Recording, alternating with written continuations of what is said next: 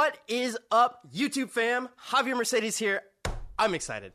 Look, look, look at this. Look at look at all these cameras right here. I am so excited. So last night, the guy in front of me, Scott Clark, he's a DP for a living. He sent me this email with so much stuff for his dossier, and I just like look at all of these. Look at all these notes that I just want to ask this guy. YouTube fam, Merce Nation, Hobby Posse, uh, Merce Universe. I don't know what to call my fans. I like that. But, no, uh, Station is good. Uh, let me know down in the comments down below what you want to be called because I just like normally I've been saying like YouTube fam, but Yeah, you need your uh, own. There is so much stuff I want to go over today. It's going to be amazing, amazing, amazing, amazing, amazing. Uh, hopefully you guys are not tired of me talking. Let's get to you. So Scott Clark, he does documentaries, music videos, short films, commercials, branded content. We've worked together. We've done stuff. I've like I didn't know all the stuff that you're doing, but after looking at everything yesterday, in just your um your sizzle reel alone from the last couple years is just like it looks so bad. Thanks, man. So let's dive straight into it. Yeah. The first question I want to ask is going from the term videographer to DP. Let me know what that means to you. That could be almost just a podcast by itself, but Mm-hmm. uh, it's kind of a mental transition for me. I do. I, I remember having that like kind of internal debate. Mm-hmm. Um, but to me, and I mean, don't you know? No judgment. I, I hope no one is uh, assuming that I'm making any kind of uh, judgments here, because I I would definitely say I started off being videographer uh, category. I mean, to me, really like. Uh, if you pick up a camera and you shoot stuff uh, and it is for your own creative satisfaction, I think that to me is the biggest distinction. The creative difference between the videographer role and the DOP, cinematographer. I mean, even just the name of the position is kind of up for debate. I started the grind as, um, you know, what I would consider a videographer in a lot of ways. Uh, at least professionally speaking, which to me is probably if you're a videographer, you shoot a fair amount of live events, whether that's weddings, concerts, any kind of a convention, stuff like that. Yeah. Basically, more on the corporate side, I think, is kind of what that feels like when I hear that word. Mm-hmm. Is if I'm a videographer, I'm probably shooting something for a large company, and it's not necessarily meant to be for narrative entertainment. Wow, what a great term. Narrative entertainment. I'm gonna You know use what I mean? From now on. Yeah, for sure. Um, and and again, you know, like it's not that I didn't have the side hustle and and my own kind of fun projects, but to me, and again, no judgment, but I think it, you know, to, if you're wanting to like really make some sort of a distinction there, it's probably when you're working professionally making something narratively entertaining, you know, that has a story, it's got some creative uh, juice behind it. You know what I mean? yeah. Is it DP or DO? I, th- I it heard you say depends. DOP. Well, so that's that's probably more like the British uh, version of it. I mean, every you know you Yeah. hear it every other way, but um, but DP generally, if I get a phone call, someone's looking for a DP is usually how it's phrased to me. So Okay. you're right about that. Um, and for the viewers that are that ha- know nothing about the backside of production, can you just give a brief like explanation Sure. of your role in the scheme of a production? I've worked kind of everywhere in the camera department, as you would uh, see it structured traditionally in like uh, Hollywood. As, Mm-hmm. You know, um, they have different levels of uh, distinction. So you got your, you know, your cinematographer, your director of photography, Mm-hmm. interchangeable terms there. You've got uh, first assistant camera, second assistant camera, um, maybe a camera PA, and they all work in concert with every other department. I think a lot of people assume if you're the DP, and this is how I've always been, if you're the DP, you're the one who's operating the camera. Um, but that's not necessarily the case. The DP is really responsible for the way, the look of the project, right? So there are many instances, you know, even high level production where the DP doesn't ever touch the camera. He's responsible for setting up, you know, like he's coming up with the composition, he's coming up with the lighting plan, the, you know, the the angles that we're cutting back and forth between um, and ultimately that's that's what he is uh, or she is um, is there to do. Many of the um, better known names, you know, if you hear about a cinematographer, I think a lot of people just assume that they're always on the camera, but they're not. I would assume that once you're up at the higher, like if you're getting Emmys and things of that nature, Yeah. like you're or a Grant, not a Grammy, um, Yeah. or an Oscar and things like that, um, you are not touching the camera, or you're you're at least looking through the eyepiece, but you might just be having an eyepiece and not actual camera just to see all those things. Yeah. Yeah, It's important to get a photo of yourself with the eyepiece when you're on set too. That's crucial for people to take you seriously.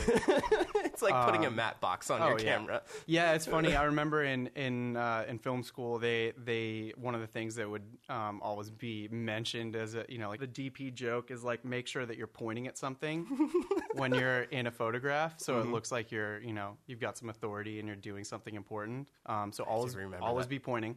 Yeah. So I mean, the, the DP is responsible for the way the project looks, and. Uh, and so, to me, the the most crucial points of that, on a base level, you want to be in tune with the director, the screenwriter, the people who are responsible for the the narrative of the project, and and you want to make sure that your your framing, your composition, your lighting plan communicates the story that they want to tell, right? And I mean, like this is probably stuff you've all heard before, but the more that I shoot, the more that I end up thinking about why this shot should be framed this way uh, versus just like just put a tripod and go and that's it. You know, like it's not always just getting coverage. It's about putting the camera in the right place and lighting it the right way so that you feel the emotion. You know that Yeah. that they want you to feel at that moment.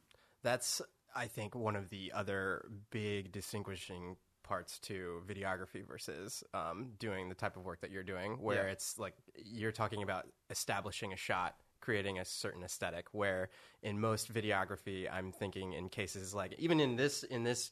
Um, situation. I have three cameras set up, Yep. but it's it's like one man band hitting record and making sure all that stuff is all good and whatnot. But it's about capturing a moment if you have to. It's just like, all right, well, if it's on, fr- if it's in the square, then I got it, type of thing. Whereas like when you have time to set up and make things look beautiful and how they need to, that's where it's like the artistry really shines. Absolutely.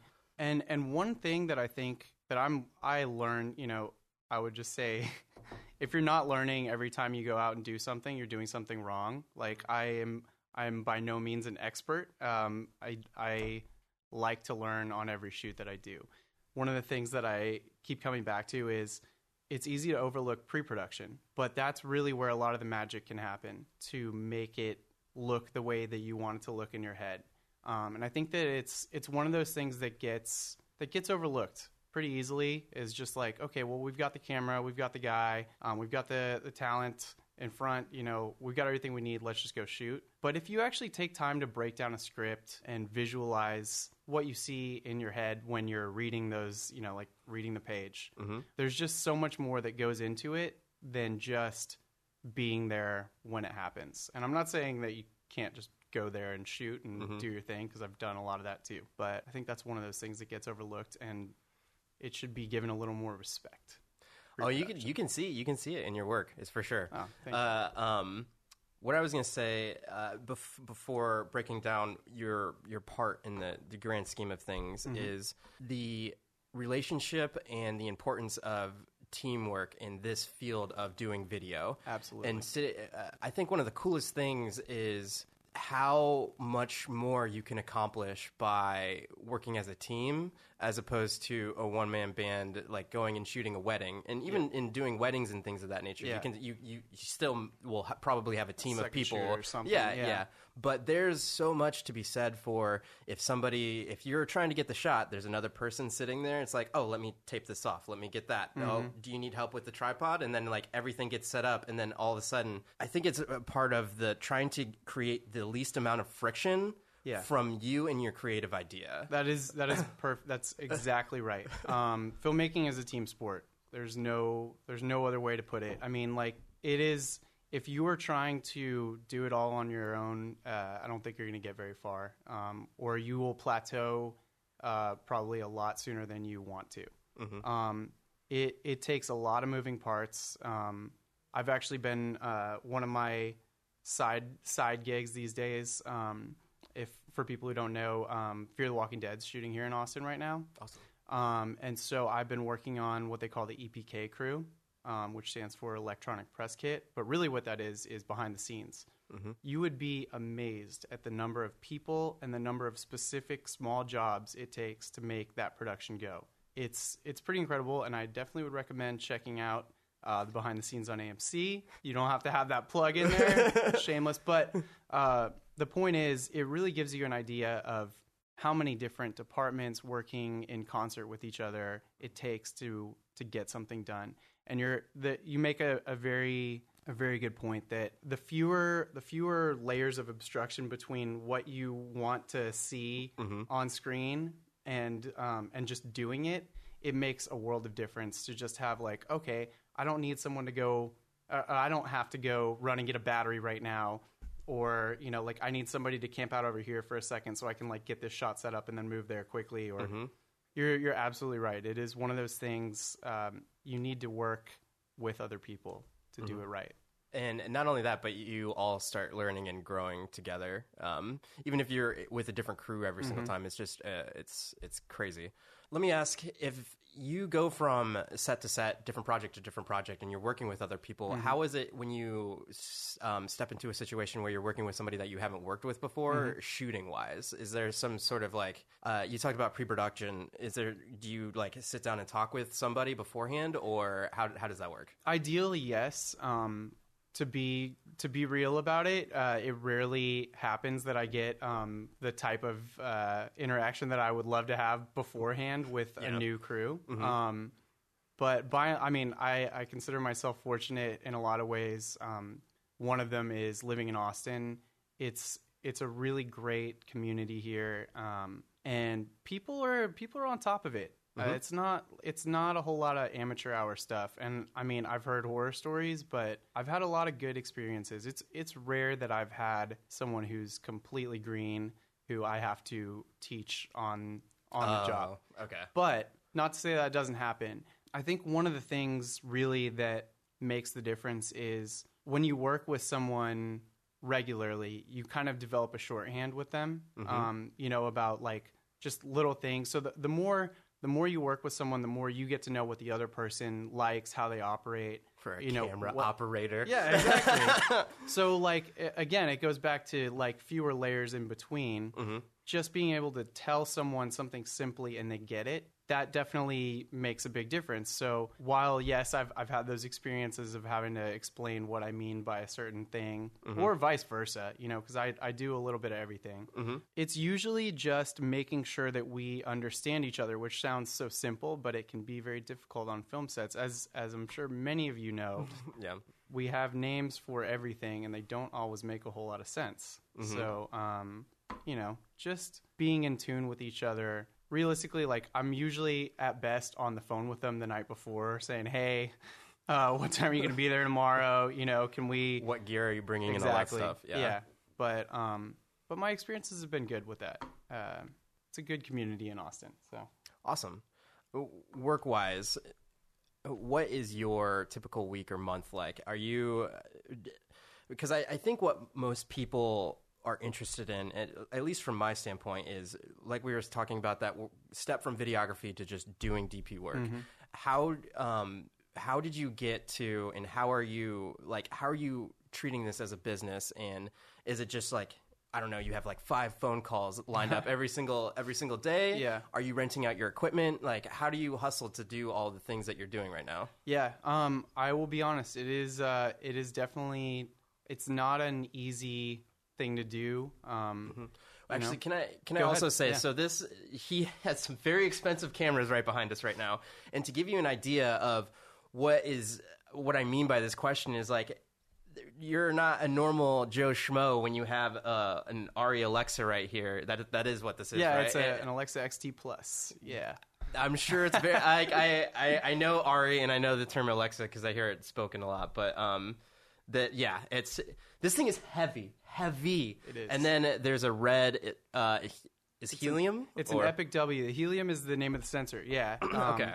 So, but the fact that like if people know like okay, RED ARRI, like these are not your new Sony A7 threes that were just dropped for like a thousand, I don't know, five hundred bucks. I think they're like they're not, they're so cheap for that Yeah, kind of camera it's now. true. But um, so you're at, you can tell that he's invested in this business. Um, Absolutely. Uh, continue. Oh yeah, no, I mean, um, I think probably a lot of people who do this type of stuff have. I mean, it may not be everybody, but I think a lot of people have a similar philosophy. A lot of the people I work with is you reinvest in your in yourself. Um, so picking up, I mean, like I I've been through. This is I think my fourth RED camera at this point. Jesus Christ. Um, and I mean, I, I'm not keeping them all at the same time. You Yeah, know, I yeah. turn over, but um, you know, it's something. There's always going to be something new to get. We will like it, it is. It's a difficult fight against. Um, they call gear acquisition, Acquisition syndrome, gas. Yeah, Yep. yeah, you know yeah, yeah. So um, I just heard it for the first time from one of. I had another interview with another subscriber, and he brought it up to me. I was like, I think I have that. But yeah, yeah, it's it's tough because in you know when you hear people on the higher level, that's not what they're thinking about, and it's kind of it's a weird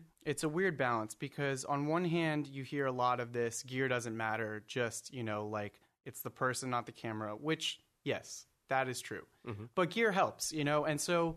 Um, there are there are certain things that having cameras like these will allow you to do that you can't just go buy you know a, a T2i and and pull off. Um, and it's really to me it's about it, it's not necessarily that everyone needs to have these cameras. I think it's just you know it's appropriate if you're thinking about investing in a camera. Think about what suits your work. And I mean, again, all these things sound obvious, but it's easy to get uh, kind of um, you know distracted by spec sheets and stuff like that. When really it's just what will allow you to do what you want to do the best. But yeah, I mean, like to to pay off these cameras, it's definitely a grind, and it is a conscious decision whenever I make a, a bigger purchase like this. I kind of have to say to myself, like, you know what, the next, you know, three, six months, a year is going to be a lot, you know, to keep up with everything that it takes to pay for stuff like this. So a typical month or a week, you know, I get a lot of jobs probably in the I would say five to seven day heads up range. Okay. Um, the I would say those are probably the bulk of my jobs are are in that kind of like a a short window. Jobs that have pre production, I probably get more like three weeks notice. Um, so a lot of what I'm doing is just managing my schedule because it's very easy to to double book yourself Yeah, if you're yeah. not paying attention, um, which I've I've done before and it's not fun. And I mean, you really you have to navigate carefully because you don't want to you don't want to burn bridges. You know, you want to you want to make sure that you are a good, upstanding member of the community. Um, but yeah, I mean, like uh, a lot of what I do is on my on my days off, just basically track which projects are coming up and what I need to get ready for those. I have a spreadsheet that I keep um, with incoming and outgoing invoices, which is stuff like that. You know, it's it's not the glamorous part of filmmaking, but it's necessary, um, and it's definitely something that I have uh, I have lagged on because I just want to go out and shoot. Like I don't want to have to think about all this stuff, mm-hmm. but you kind of have to. So uh, a whole lot of my free time is just spent managing that stuff, um, making sure I've got what I need for the next project, and a lot of it is um, when you mention rentals. That's definitely one of the nice things about having these cameras um, is they can generate passive income for you, which is helpful as a freelancer because you don't know when your next job's going to come. Like it, you could be busy, you could be working, you know, 28 days of the month, one month, and then the next month just be nothing, you know? Yep. And there it's seasonal, you know, like there are there are slower and faster seasons for filmmaking. Right now is particularly fast because the weather's nice. Um, People like shoot it. There's not any major holiday that we need to worry about scheduling around.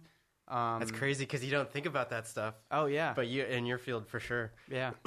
you really have to a be willing to roll the dice on stuff sometimes. Like um, I think that it, this this is kind of advice that I think applies to a lot of different fields. But if you're not, you, you hear like if you're not doing something that scares you, you know, like what are you really doing here? Um, Yeah. So I think that it's important to challenge yourself and take on projects that maybe when you first hear about them, you know, maybe it's a little intimidating to to think like this is going to be on me, you know, like can I Yeah. pull this thing off? But it you know I, I would rather be doing that and and failing at times and learning from that than being complacent and shooting the same projects over and over and over again.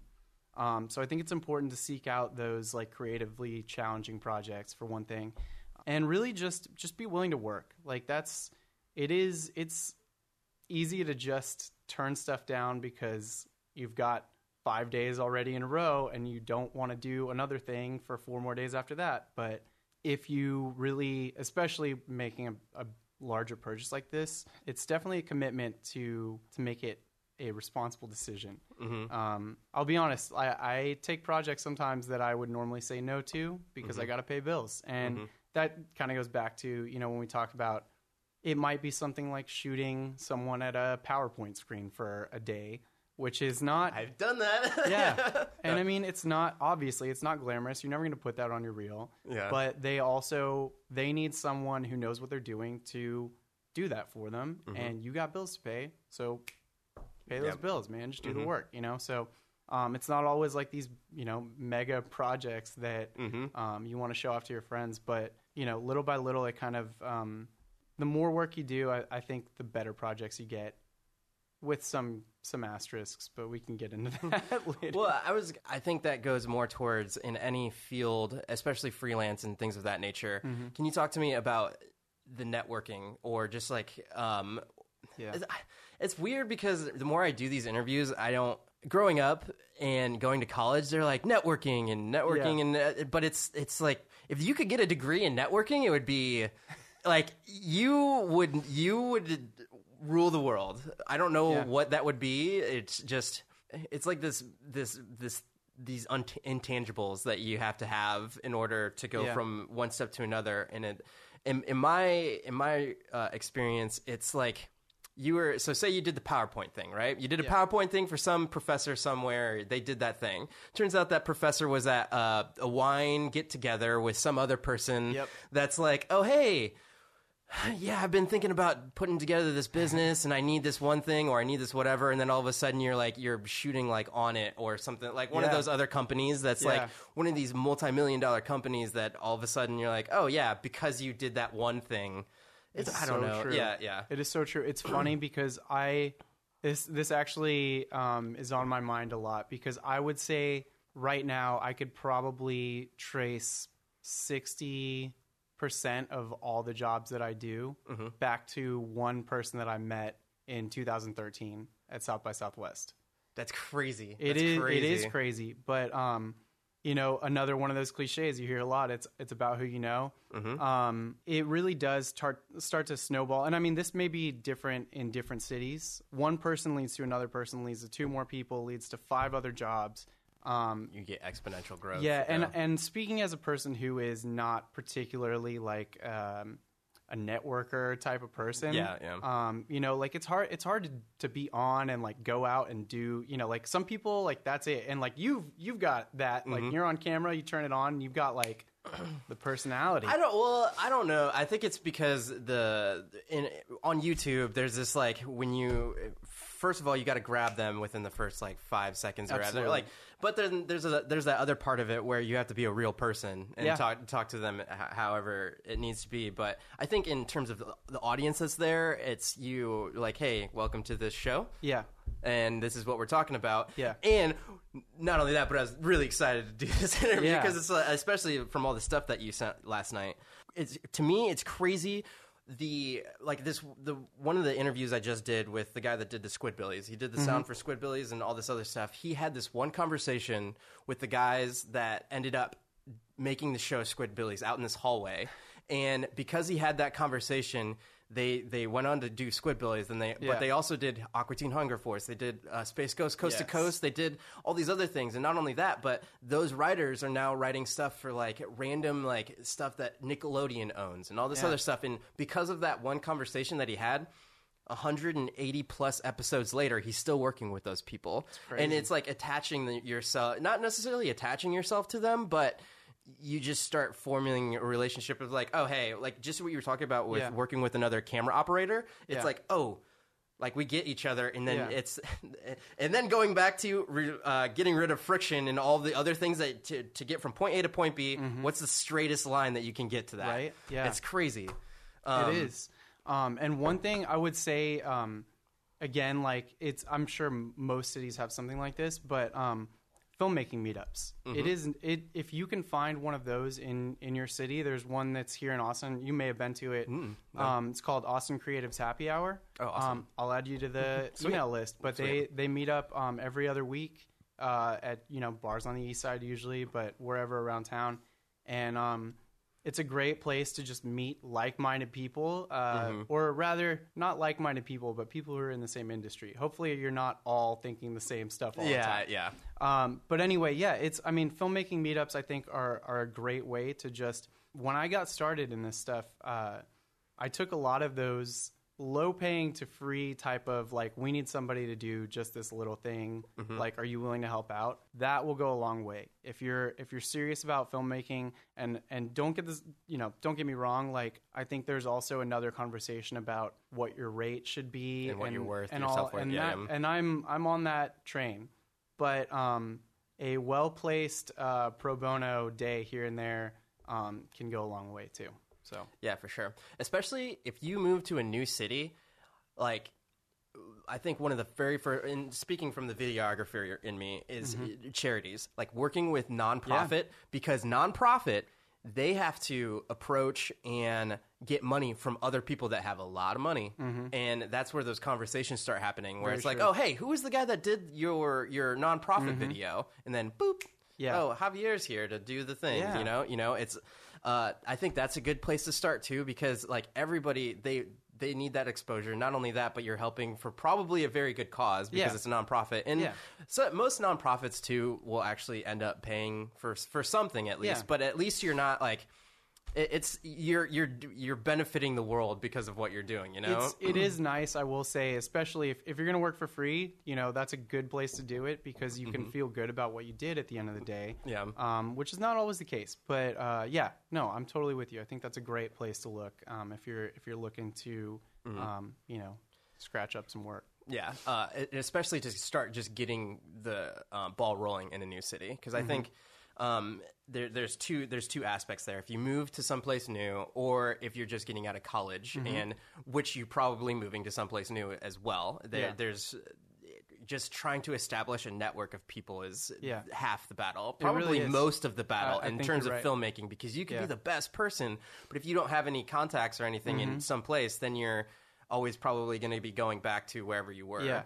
Um, all right, moving on. Let's go ahead and get into some of the stuff that you've shot. I think the coolest things that, um, in particular, just trying to formulate your your style or, or whatnot is the the music videos and um, Bright Light Social Hour. Yeah. There's certain shots in there. Um, it, one of the big things is the mirroring effect. Was that something that you knew about before shooting it, or after? Was that just the editor? They started doing It's that. funny. So um, that was actually so I I know those guys um, going back to high school. Um, I went to, to high school with the one of the lead singers, um, co-lead singer Jack O'Brien, um, who's got the uh, the famous mustache. Awesome. And so he that was one of those very low budget projects. Um, pretty like we had at least some time to to put into pre production, but everyone was pitching in for low or no rates. Um, and that of course carried over to the edit. And so um, we had some thoughts about how that might go, but that was actually an editorial decision on Jack's part. Um, he took up the the mantle, and it worked out. I mean, like because of the style of imagery uh, that we were shooting, it worked really well. Yeah, Um, yeah, you for can't- sure. You can't throw that effect on. Uh, you know any old video and have it um, make any sense or come out, Mm-hmm. um, but it worked great for that one. Um, Yeah, that was a that was a that was a Jack stroke of genius on that awesome. that video. One of the ones that I loved was the shooting behind the drummer into the sunset, and then it's like there's still that mirroring effect there. But the fact that you you couldn't anticipate that the mirroring effect was going to be there, that all of those waving of flags and everything worked out. It Yeah. was really cool. Yeah. Was that you in the back of the truck at the end of the music video? Uh, it was yes. Yeah, it's so Um, cool. it was man. I I should um I'll see if I can get you a picture of of what that rig looked like. But um, the truck that the that little blue truck, we took it over to um to back then it was Gear, now MP&E, but um and spent probably like four hours in the afternoon building this ridiculous overhead rig to shoot down into the bed of the truck where Joe, who's like the you know he's kind of the space spacey Yep. kid in the yep, back. Yep. Um, it was uh, the, it looked hilarious on that truck because it was like it's like you know 70s like tiny little Mm-hmm. Ford Ranger and the the rig was like the size of the truck that was going over it and they like had to drill into the bed to make it i'll see if i can find a picture for you it's pretty it's pretty silly looking but it was cool That's awesome. Yeah. How much time did you have before doing a project like that? To, Um, to like set up and how much were you working with artists since you knew them personally ha- i feel like you guys probably we did have some more lead time yeah. on that one yeah and, it, it- and- it definitely looks like it yeah they they i mean that that really can can make a low budget project look you know it, it'll make it punch above its weight if you have time to like plan out what you're gonna do. It definitely makes a difference. And, and yeah i mean like they're also just really creative guys um Yeah, so it's, it's too. fun to kind of just riff with them. Um you know like i think one of the best ways to go into a project like that i mean you you hear this in a lot of things too but is have a plan but be willing to be flexible Yeah. um, so you know we had we had a structure for what we were planning on doing but on the day a lot of it changed or um, got tweaked just to just to try other stuff out that we thought might work a little bit better because you can see stuff in your head and it's not always going to be exactly what you see when you point the camera that way um, so you just you, you know like you you need to be willing to adapt and be flexible and you know experiment a little bit when something's not working. Um, you know you have like you have like the framework to work against but you uh, you know have a little time to freestyle and do your own thing. Um, i think helps a lot in those projects Awesome. Uh, another music video, the Thousand Foot Whale. The other thing is, like, you, you sent me these links, and I'm like, man, I got to move on. But I actually kept just like replaying them just because I wanted to listen to the song again. I think that also helps when you're working on a project. Yeah. If like, especially a music video, if like, oh man, this is a catchy song, it's, it makes it a lot better. Yeah. Um, so that video is in some ways the opposite of um, the bright light video. Mm-hmm. So that was from maybe about two months ago, Yeah. two three months ago, um, when we shot it, and it was crazy because that video is nothing like what we planned on shooting. Like absolutely nothing. Wow. Um, so basically, what happened was our director, Chris Rush, um, very talented dude, um, also a DP. We worked together on a lot of stuff. So he he came up with um, this idea where essentially we were going to the whole video was going to be the lead, well, the guy who you see in the video now, being kind of like the main character. He was going to be walking through portals essentially, which were um, these like pretty elaborate PVC pipe tunnels that Chris and like a couple of the band members built. Um, and this was, like I said, it was like two, three months ago. So it was pretty cold in Austin still when that was happening. But the idea was basically like, okay, we're going to shoot this guy doing a long walk. He'll come into the tunnel and then we're going to move the tunnel to a different location and align the shot just right. So when he comes out of it, he'll be in a new place. And there was like sort of a, a concept based on that. We had locations picked out and all this stuff. So Chris built these tunnels. Like I said, it was pretty cold out. And the night before we were spar- supposed to start shooting, it was a two day shoot. The night before we were supposed to start shooting, the tunnels uh, that he had built out of PVC pipe snapped, like Oh, all of them, because it was like below freezing, and Yeah. whatever, whatever the the deal was, like he had he'd put a lot of time into it, and it was like all down the drain. And so we had crew for two days, um, and we had a location. Everything was lined up. blocked out. Everything was in Yeah. place except that. Yeah, and so we basically had to rework the entire video, like fr- you know from scratch almost. Um, and we only had one paid location that we already had booked, which is where the entire video was shot um, in one day instead of two, um, which was the uh, used to be a National Guard Armory. It's over um, on like East Fifty First Street. Um, but anyway, uh, yeah, basically we just had to to go. We took we took our first shoot day to scout it. Um, so we just got to look at some of the different rooms that we could be you working. guys in. are like, hey, take the day off for the. I other mean, yeah. you know, it's like we already we're there. You know, Mhm. like we were planning on doing something anyway. So let's Mhm. like let's do something, try to salvage this. So so we went to the armory, uh, just walked through the halls and realized like it could be kind of its own thing. Like I mean, you you can see it in the video. It's got Yeah. a lot of unique. Uh, Yeah, looks. the the question I was going to ask is those Mm-hmm. fences that are in there. It's like were they there or did you guys just like bring them? the fences. I'm trying to remember which. There, part there's certain there's certain shots where there's like you're you're using the depth Oh, of yeah, field yeah. to shoot through the Yes. fence, and they're like they're you're kind of like moving them and things like that. Yeah, but so yeah, those were um, because it's it used to be an armory. Those were I think where they used to have like gun storage. Oh, um, okay. Or some sort of some sort of like weapon, or maybe like um, maybe it was just like um, you know uniforms or something like that. Yeah. But yeah, those were all like everything that you see in that video. All the props were like there. there, that's crazy. Um, it was so that was a that was a good example of like we just have to go like figure it out as we shoot, and it was it was actually one of the best sets I've ever been on because again it was a situation where a lot of those people were friends of the band, friends of ours who were in it.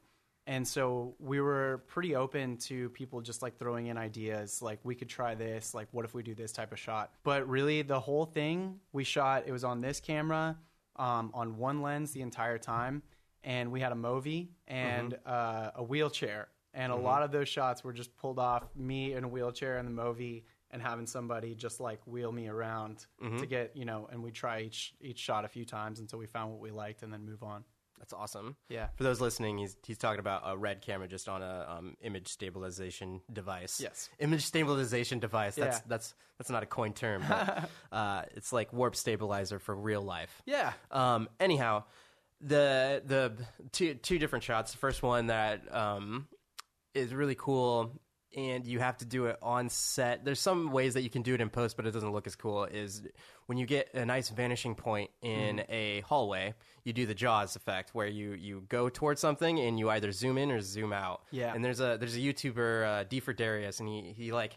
He takes that to the next level, and he just he does it all the time in a lot of his stuff. But Yeah. um, I saw that, and I was like, "Is that something uh, that you anticipated for, or was it just like day of? You're like, oh hey, let's just get these shots because they're cool. We did actually um, on the scout. I think we talked about it a little bit, but yeah, that that was one that um, that we were all on board with and, and kind of had in mind um, because yeah, that it has that look there that you can really take advantage of doing. And I mean, the whole concept of the video is surreal. Um, so it's you know it it worked out really well to just do some really weird kind of visual effect stuff like that. Um, and that's one of those things. It's it's it's I probably wouldn't do uh you know do it for every shot like uh, Yeah. said Darius. D, D, D for Darius. Well, Yeah. he he just likes doing it. Um, Yeah. But he's also like one of those videographer guys that's like one man band, but he he has just like the not a T2i, but he used to have just like an ADD. And like when you're doing that and you're a videographer, I feel like sometimes if you're just on a, especially like doing a wedding or something like that, mm-hmm. you're like. All right, I've gotten this shot so many different times, and Mm-hmm. Yeah. then you just like your hands already on that zoom, and then you're Yeah. like, "Oh, as I get closer, the Yeah. Mm-hmm. people get bigger or smaller. It compresses, and it's just one of those things." it's it's a cool look. It definitely has its place, especially in weird stuff like that. hmm Yeah. Yeah. for sure. Um, and the scene that I'm talking about from Jaws is pretty, pretty. Most people know what I'm talking about. Yeah. And with that one, I have no idea what zoom lens they're using. It's probably like a thousand millimeters of because the way that they pull that off is it's it's a very long tracking shot of Yeah. the guy like looking at the camera, and it as it gets closer to him, his face gets bigger, but. What you do is you take the zoom lens and you go as you get closer. You just keep the focus and the zoom at the mm-hmm. same time. It's a really cool effect. Mm-hmm. Yeah, very technical shot to pull off. It's it's not It's- it's something because that of the you- Mm-hmm. focus. Because as you get closer to something, you you can't pull that, or you have to have somebody uh, basically pulling focus at the same Yeah. time. Yeah, there's another um, another good uh, example of that type of shot in Goodfellas. Mm-hmm. Um, there's a scene where um, where Ray Liotta's character, uh, I think, realizes that um, his world is kind of like flipping upside down. It's a perfect shot for this one. Yeah, like and it's like you just see they're sitting at a diner, and you see like the background kind of like change Mm-hmm. its dimension. It yeah, I don't know if you if you know which part I'm talking about, but it's no, but it, it- in terms of like when you want to showcase um, like a compressing of a room, you can you can definitely do that with a long zoom lens. Mm-hmm. Yeah. Um, next shot was the lighting and how you guys did that very last one. And I know some of that during the edit, it cuts to that shot where he's in front of, I think it was like a yellow wall and he's wearing a yellow suit or something yeah. like that. Yeah. But I think what was the coolest was how did you guys pu- was it just you on a Movi backing up and the th- what i want to ask is like the lighting in it is there's one light and Yeah. it's like an industrial one i think Oh, yeah, it was, yeah. and, and and it's just going down but it just looks beautiful how that's captured Yeah. Um, that yeah, so that one actually wasn't even um, that was just me running backwards, walking backward, walking fast backwards. oh but you were on the Movi though I was on the Movi. Oh, yeah. I was gonna say, it's like there's there's no like okay Yeah. that that's a testament to how how good he is as a, as a videographer because that that shot is so still or Yeah. in, in terms of like even if you're walking with a Movi, there's Yeah. still you can't Well- you can't justify the up and down. Yeah, and I mean, I'll, I'll just throw out this. Uh, you you probably know because you're you're a pro, but a pro tip for for people who may not have done uh, worked with a whole lot of Movi footage before is warp stabilizer on top of it can actually make a pretty smooth shot look like it's on rails. I mean, um, and just my own personal preference, especially for gimbal stuff like that. You know, when you throw that effect on in Premiere, it defaults to being. Um, I think it's called subspace warp is like the version. Yeah, because it what it what it does what it does. I don't know if I have Mm-hmm. for people that are watching this on Yeah. YouTube. Um, what it does, so say this is the frame, and then so say it, it takes the paper and then it starts stretching the frame, and Mm-hmm. it will always keep the same pixels within the picture, but it will start pulling it to where it needs to. Mm-hmm. Whereas like other ones, it will z- scale in and move around Yeah. the thing. But what's what's your favorite settings for Well, that? that's what I was gonna say. Is particularly for stuff like that, Mm-hmm. um, don't use the fancy subspace stuff. Just go straight up position. Occasionally, position scale rotation. Mm-hmm. But um, I actually really just like set it to position. Do ninety percent smoothness because if it tries to hit hundred or uh, well, I don't know why it has more than hundred percent as an option, but Mm-hmm. when it gets to that point, it's uh, it's doing some other weird stuff. But Yeah. ninety percent. Um, I'll usually check the detailed analysis box. Um, Mm-hmm. I don't know if that really does anything extra, but it feels good to check that box. Um, but it, yeah, it It's a really placebo cleans up. effect. Yeah, it probably is. It just makes it take longer. But Mm-hmm. um, but anyway, yeah. So that was, and that light in that shot was a house light. Um, and you know, it, it wasn't something that we set up. I mean, you could see how high up it was. Yeah, it was perfect for especially that industrial look of what was going on. Yeah. So um, sometimes it's not it's not always about you setting up the light. It's about you know identifying the lights that are already working and working with those.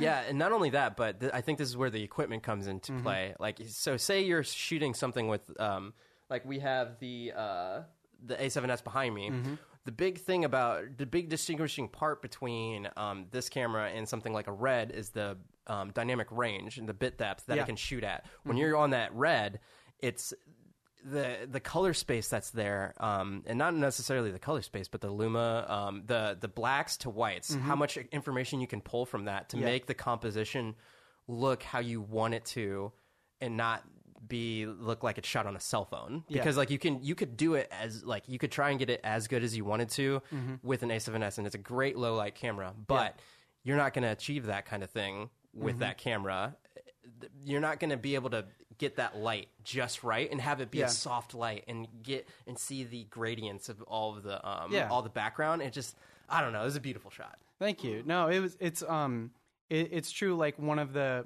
any there are, you know a thousand different things that make an image look um cinematic versus like just something you like pull out and shoot with your cell phone. And there's a time and place for that obviously, but there a, a lot of them are just things that you feel without actually necessarily noticing. Um the biggest like quickest identifier that I can that I can say with a lot of like lower end cameras versus um, some some of the more expensive stuff is highlight retention. So uh, you can you can really tell, and I mean, there's a time and place to blow out your highlights and just let that happen. You uh, i was i was going to say just just as a great example of that is the um, formula 1 where you you shot i don't know if they did it in the edit but there's a um you have the crew in that opening shot and um the crew is completely dark and in the background it's kind of blown out. And then you can Yeah. see some of in the ridges of their um stuff you can see some of like the actual color. Yeah. but that aesthetically that's how that i i don't know if that's how you shot it but that's that's like oh it's just like an establishment but Yeah. can uh, continue. Yeah, no, it's just it's one of those things that um, you know, some of the nicer cameras will allow you to pull off shots that maybe have a, a wide range from light to dark in the frame. And I mean, you can always you can you can work around that, but having having a camera that's that's got a sensor with that kind of latitude, um, really like it opens up some some looks that you probably wouldn't be able to get otherwise, which is cool. Um, you know, it's it's just one of those you know it's one of one of many little things that um, you know it's it's nice. It's eliminating friction between point A to point B creatively, like uh, because it, to pull off the same shot. Uh, so the great example of this is daylight.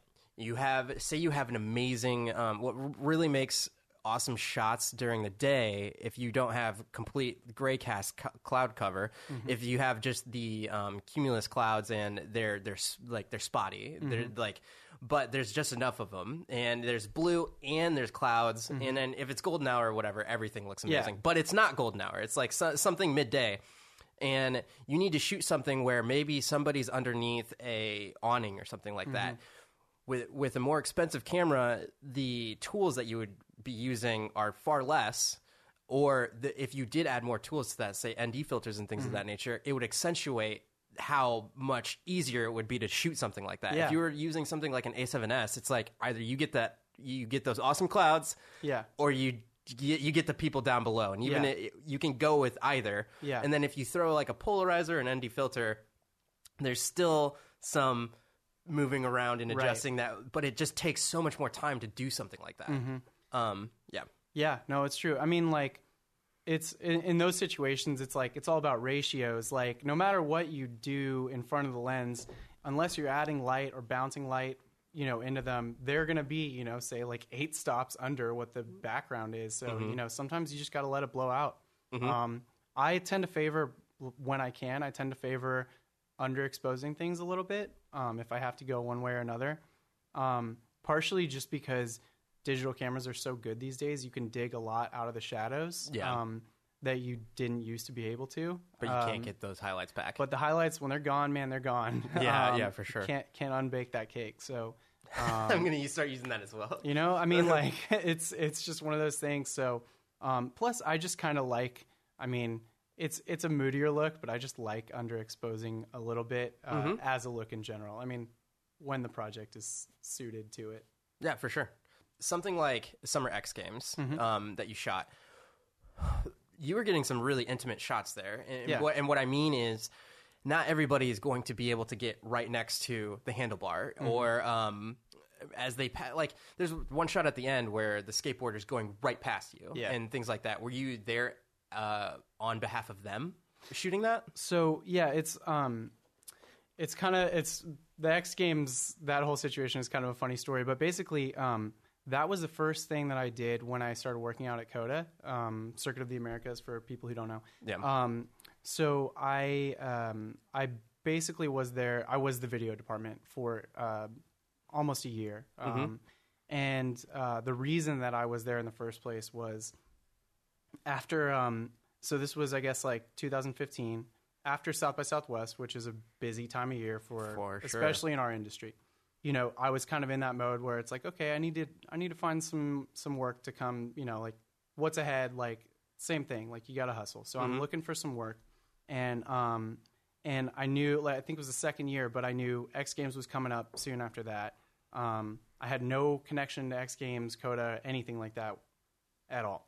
And so um, I just this this is something I would highly encourage people to do. Um, take a chance and reach out to people. If uh, you would be surprised at, I mean, not always, but like you'll get responses back that you probably would not expect from people in a a higher position at times. Yeah. So what I did was um, I I emailed I, I went on ESPN's website. I found their media crew for X Games. Um, and I emailed them, like literally just like, hey, my name's Scott. Here's some work that I've done. Do you guys need a shooter for the X Games? And um, and didn't really expect anything out of it. A um, couple days later, I got like what looked like a canned response saying like, "Oh, we got your, um, you know, we got your info. Thanks for sending. We're all crewed up, but you know, we'll keep you in mind." Yeah. So I just kind of forgot about it. And then about a week after that, I got an email from um, one of the guys in the the communications department out at COTA, and he was like, "Oh, hey, Danny over at ESPN uh, gave us your contact info. Would you be interested in coming out here um, to talk about some, you know, like some work that we might have?" And I was like, "Awesome, yeah, of course." So, um, so I went there um, pretty soon after I got a job, and the first week, I think it was the second day I was there, um, was the X Games. So I basically That's it was it was the dream for me to have that kind of like just unlimited access. Mm-hmm. Uh, so you know, I got to shoot practice when I wanted to. I could be right up in there. So Mm-hmm. um, the the kid who was skating by me in that shot, it was literally like, you know, uh, it's it's two in the afternoon. There's nothing going on in the office. I'm just gonna go see what people are doing out there. If anybody's practicing, that kind of thing. So a lot of those shots were just me running around while people were you know, just getting ready for the X Games and shooting Mm-hmm. whatever looked appealing to me at the time. Obviously, like access is key because it's not something Yeah. you would just go to the X Games and shoot. Well, that that's one of those things. Like the shots that you're getting, you can tell. It's like, oh no, he's he's here to like shoot on behalf Yeah. of someone. Yeah, Um, I think uh, one of the things I was going to ask is for that kind of stuff when you're shooting, because I, I feel like that goes more into the live event videographer um, spectrum. Mm-hmm. Yeah, absolutely. When you're when you're shoot, were you using something like this at that time? yeah. Um, yes, One of the things about the RED camera, and correct me if I'm wrong, is it fills up space like nobody's oh business. yes, it does. So uh, I'm assuming that you have to be choosy about your shots. Definitely. Uh, and, and with a live event like that, how do you how do you go about, or what's your approach to filming something and knowing like, all right, I know at this moment.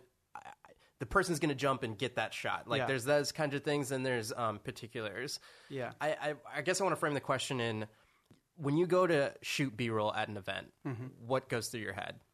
Um, so the first thing I'm thinking about is just what coverage do I need to make this work for the edit, right? So, um, whether it's a convention or a sports or you know like uh, music, you want to think about um, the end product, what you need to do to get there, right? So, um, the first thing I'm thinking of are what are my have to have shots? Um, who do I need to see on camera? Um, what are they going to be doing? Uh, where can I be to get those shots? Um, and you don't always know this stuff beforehand. Sometimes you're learning it as you go, obviously. So you need to be ready to um, to change things quickly. Um, but yeah, you're you're totally right. Like space is a consideration with that camera.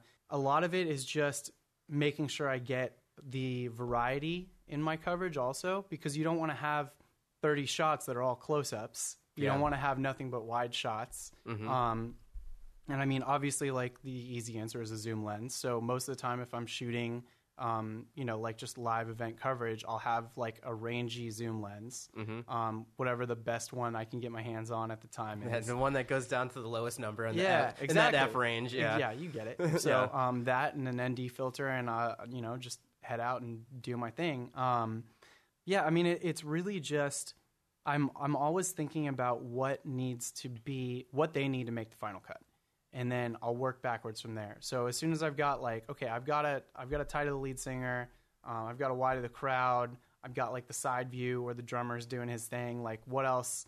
What else do I need to make this like a complete, you know, feel the experience of the event? And then I'll knock off little insert shots, um, cutaway stuff that doesn't necessarily tie into a specific thing, but it's something that you know the editor will be able to cut away to if they need just something, right? Like an extra shot, some texture to throw in.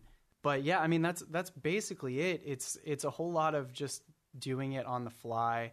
Um, and so yeah, the the challenge with something like this, um, and we kind of talked about it. I, I I mentioned a little bit in my email is just um, if you're shooting live events, right? Um, there are cameras that are better suited to that style of shooting for sure. Um, but there are still trade offs in either case. So, um, yeah, if I go out with this thing, it's power hungry. It's gonna need a Power new hungry. battery. It's just like it wants to soak up energy. yeah, it's gonna it's gonna eat up batteries. It's gonna fill up cards fast. Um, you know, and it's it's not it's not a, a light camera. It's not like as heavy as this one, but it's not it's not light.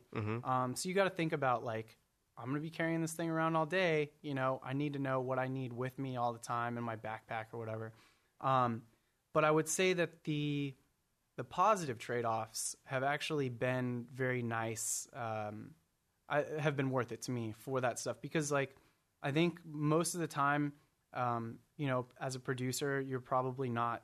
If if you're a producer and you're you've got an event that's that you need covered, Mm-hmm. um, you're probably not out looking for the dude with the RED. You know, Yeah. you're probably just looking for, um, you know, like an FS7 is like almost perfect for that stuff. Mm-hmm. But one of the nice things about um, about using a camera like this is it does have other other things that it can do that you probably wouldn't expect in an event coverage setting. Um, and it's gotten me it's gotten me through some stuff. So I'll give you an example. Um, I was shooting uh it was um, a comic. Con- it was Wizard World um, a few years. Ago. Sounds back about right. yeah. And um, I was doing coverage for them, and there was one point where they basically had um, they had a, a completely unscheduled interview that they wanted me to do with this guy, and uh, and it was it needed to be like a locked off shot, and I didn't have a tripod because I had just been running around with the camera all day, and that was it. Like I just had the camera. So what I ended up having to do was frame him a little wider than I normally would and handhold it, which obviously is not going to be like totally locked off. But because I was shooting it in like 6K, going back to warp stabilizer, Yeah. you would never know it wasn't on a tripod. That's so like there are like little perks like that um, that are you know kind of nice to have that you probably wouldn't have in like if you took a C300 out, um, you know you got what you got. Um, but that said, like if I'm just going out and I have the option, I'll probably still pick the the better suited camera. But um, it's just one of those things like you know it's not it's not as silly as you might think to bring uh, like a more like cinema oriented camera to live events. Um, you know, and it, it's just there there are perks and there are drawbacks. You just got to be prepared for it. And the more you shoot this with these things, like the more you know, like the little issues that they have Yep.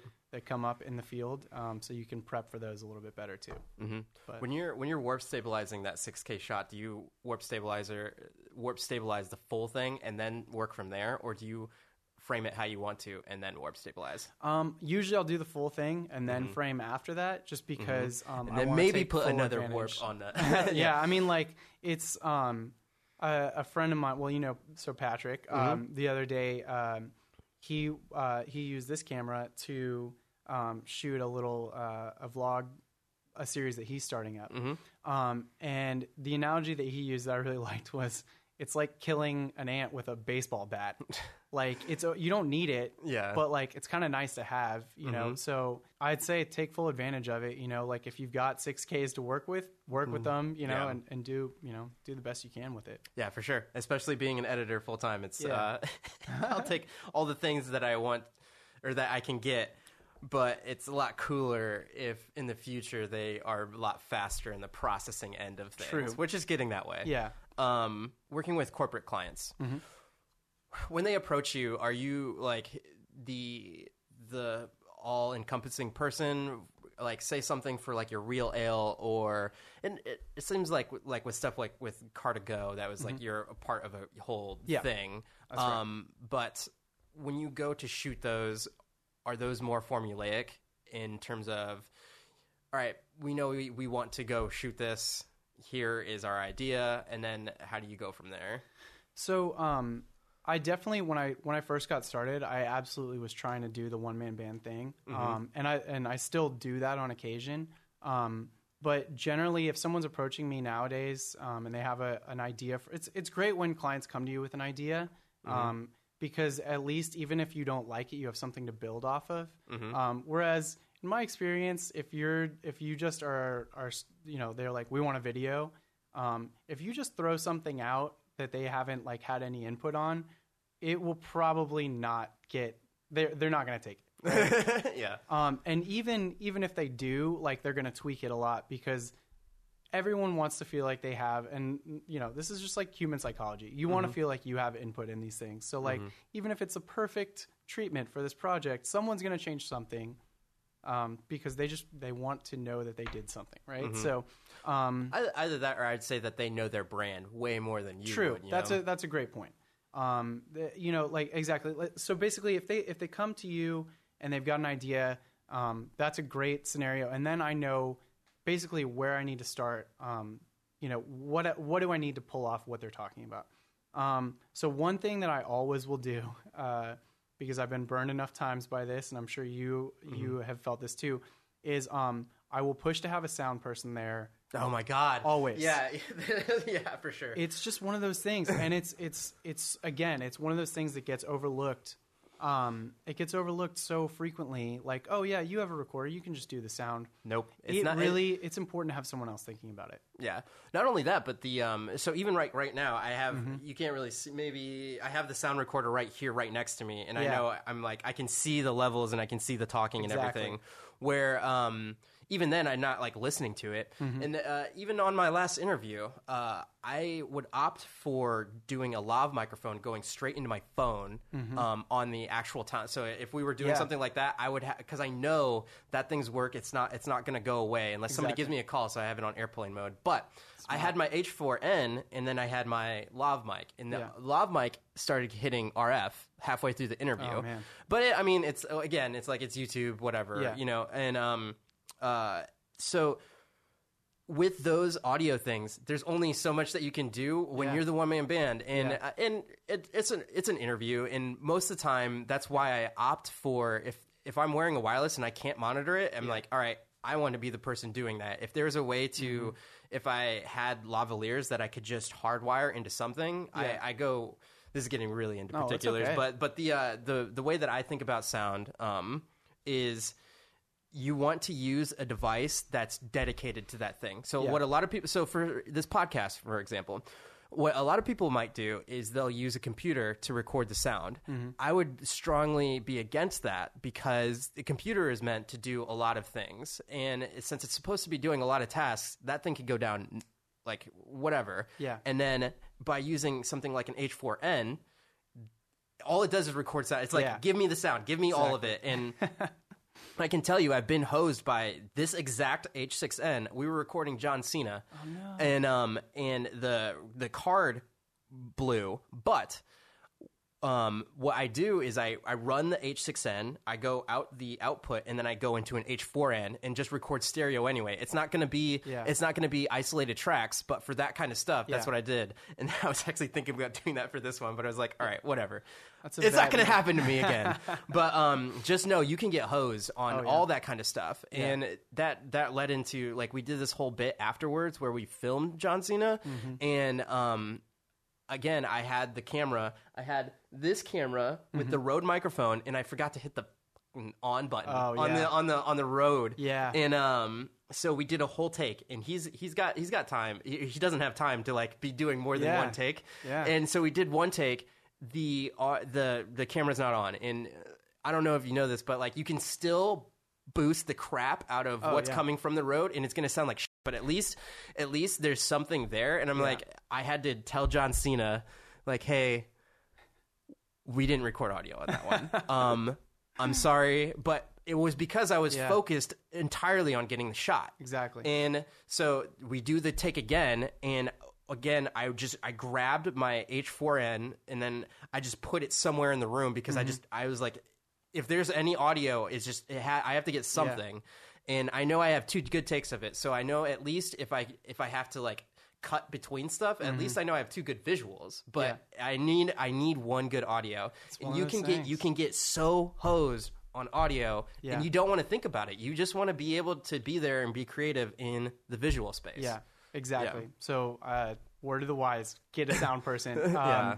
It's it's I, I couldn't I've I've had very similar experiences, and it's just one of those things. So I I will definitely when I get a, a corporate project, that's one of the first things I'll look for.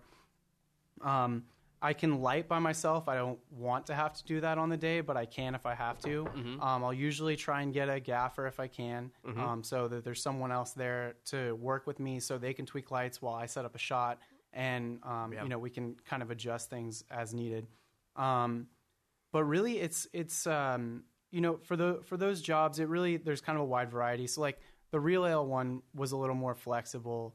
Um, for us to come up with our own treatment for it. Yeah. Um, they just knew they wanted the the bowling alley in it. Yep. Um, so we kind of just worked around that.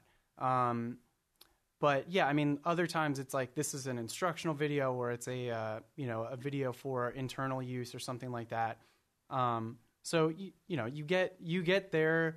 I, I, I would like to cater to their vision as much as possible, and and I don't want to make things difficult for them. So um, if I can get the crew that I need to pull it off, that's really that's my main thing. And then it's just a matter of making sure we're on the same page about, you know, how things are done, what the you know the the script, the treatment, whatever, Yeah. um, goes along with that. But um, yeah, it's just you know crew it up and get it done. Yeah. So one of my favorite edits that I've ever done, and probably one of the best uh, to date, is Blackout Signs J. And um, this was like speaking of teamwork. This is is testament to bigger end projects and just doing what is necessary to tell the story that's that's there, and other people like we had a whole crew go out shoot one thing and then we realized oh we want an interview and all this other stuff. And then we another crew goes out and shoots it more stuff you know? Yeah. and i think one of my favorite things and you were talking about doing handheld is your your shot for the interview for jay. Um there's this intimacy there that's like when he's when he's getting interviewed he's in the lower third for his wide shot. But then um, for his actual like close up it's just the subtle like Yeah. grittiness of that the red the red it's like a gritty silky smoothness I know what you mean. like and i think i think I, do, does um does walking dead film with RED they actually are on Alexa Minis this uh, season. okay Yeah. because like when i that was the first time when we got that footage i Mm-hmm. was like man this looks like walking dead because the way that the grain is in there Yeah, no, it's it's true. the The grain is really it's one of those things that makes such a big uh, difference because you can feel. I think that's that's like one of the the biggest um, like evolutions in these cameras has been um, the the the grain and like the noise pattern, the way that it renders. You can feel like a um, you know like you hear about like fixed pattern noise, for instance, but really like um, you can feel when it feels kind of digital oh yeah and um, they've really made some some huge strides in making that that noise when you have it feel more organic, like it was shot on actual film. Um, and it and again, it's one of those things like you feel it. It's not always like you can articulate specifically what it is, but like you feel it when you see it. You know. Um, so yeah, no, I'm with you. I, I do like a little bit of that that grit in there. Yeah, but I think um, because if I were shooting something like this, I wouldn't have thought to like, all right, we have one locked off shot. Because in my mind, when I'm um, formulating something, shooting it at least, mm-hmm. I'm like, all right, one locked off, one not locked off. That's like, oh, are you going to jump mm-hmm. in between? But because there's so there's so much B roll and other stuff in between it, and you mm-hmm. can see this in like the Real Ale one. It's like you have that wide, and then you have the close, and how um, because of the bokeh and everything. It, you're so focused on what they're saying and like and you can tell the mannerisms of their face and mm-hmm. everything. It's so cool. But with jay it's just like to a whole nother level because he's like you're in this it's not a sweatshop but he's mm-hmm. sweating in oh, that yeah. shop and he's putting his whole heart into what he's doing. He doesn't give a f about like smoking on camera and doing all mm-hmm. that stuff because he's there to do what he wants to do making signs for a living. Yeah. and when he's telling his stories and everything just like the way that the angle is and the way that like at the very end he's like just like do the things that you want to and people will notice and everything and there's like this little moment where he has like he just looks off to the side and then his sweat goes right down his face and it's like it's perfect Yeah. but the thing i love about it is uh, you're you're moving with him so Mm-hmm. if he moves closer and he moves further away it's like I don't know. It's Yeah. it's just one of those things as an editor, like you can't. It's not necessarily an intangible, like I was saying before, but it's just it's so cool. Well, yeah, and it's and, and that's one of those things you think about when you when you're shooting stuff. Um, even just the difference between uh, you know like a locked off shot and a handheld one, um, you're gonna feel like the the locked off shot feels more like a um, like a third like an an unseen observer.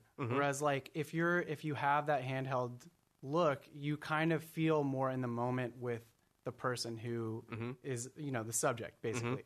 Um, it feels more like you're there. You relate to them a little bit more. So um, it is yeah. I, I do like to add that in when I can when when it's the right kind of subject to like you. It, it does feel a lot different. You you relate to the person differently, seeing them moving with the camera versus just like seeing it from afar or you know. Yeah, yeah, for sure. Or even if um even if like with this angle that's happening right here, if you were just in on my face, it's still different because it's like it's still it's still whereas um when you're moving with them, you get that whole emotion. yeah.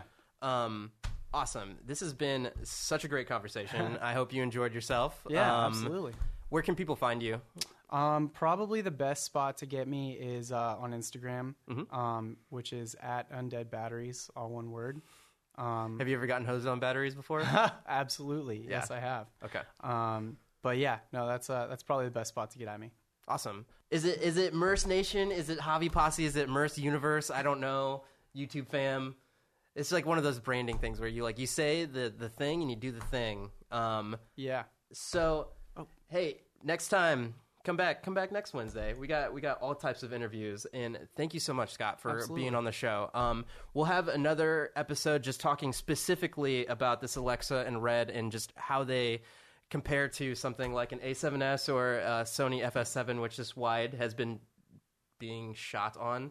Um, quick side note you know when you're doing seo and stuff and you're posting videos and things of that nature the word shoot nowadays is like it's so hard to utilize that as Yeah. as a term because i'm like oh like to give you an idea the uh, hey don't care that this is a tangent you thought we were on the out but i'm not um, the uh, the photographer that i did an interview wednesday with he he he photorized the president. You can't say something like, "Oh, he he shot the president." Like it's like it's so hard, and like not only that, but it's like, "Oh, are you shooting people?" Like like it's a completely different ball game nowadays. Anyhow, um, thank you so much. absolutely. Till next time, Javier out. Subscribe, like, comment, all those things. Check out Scott.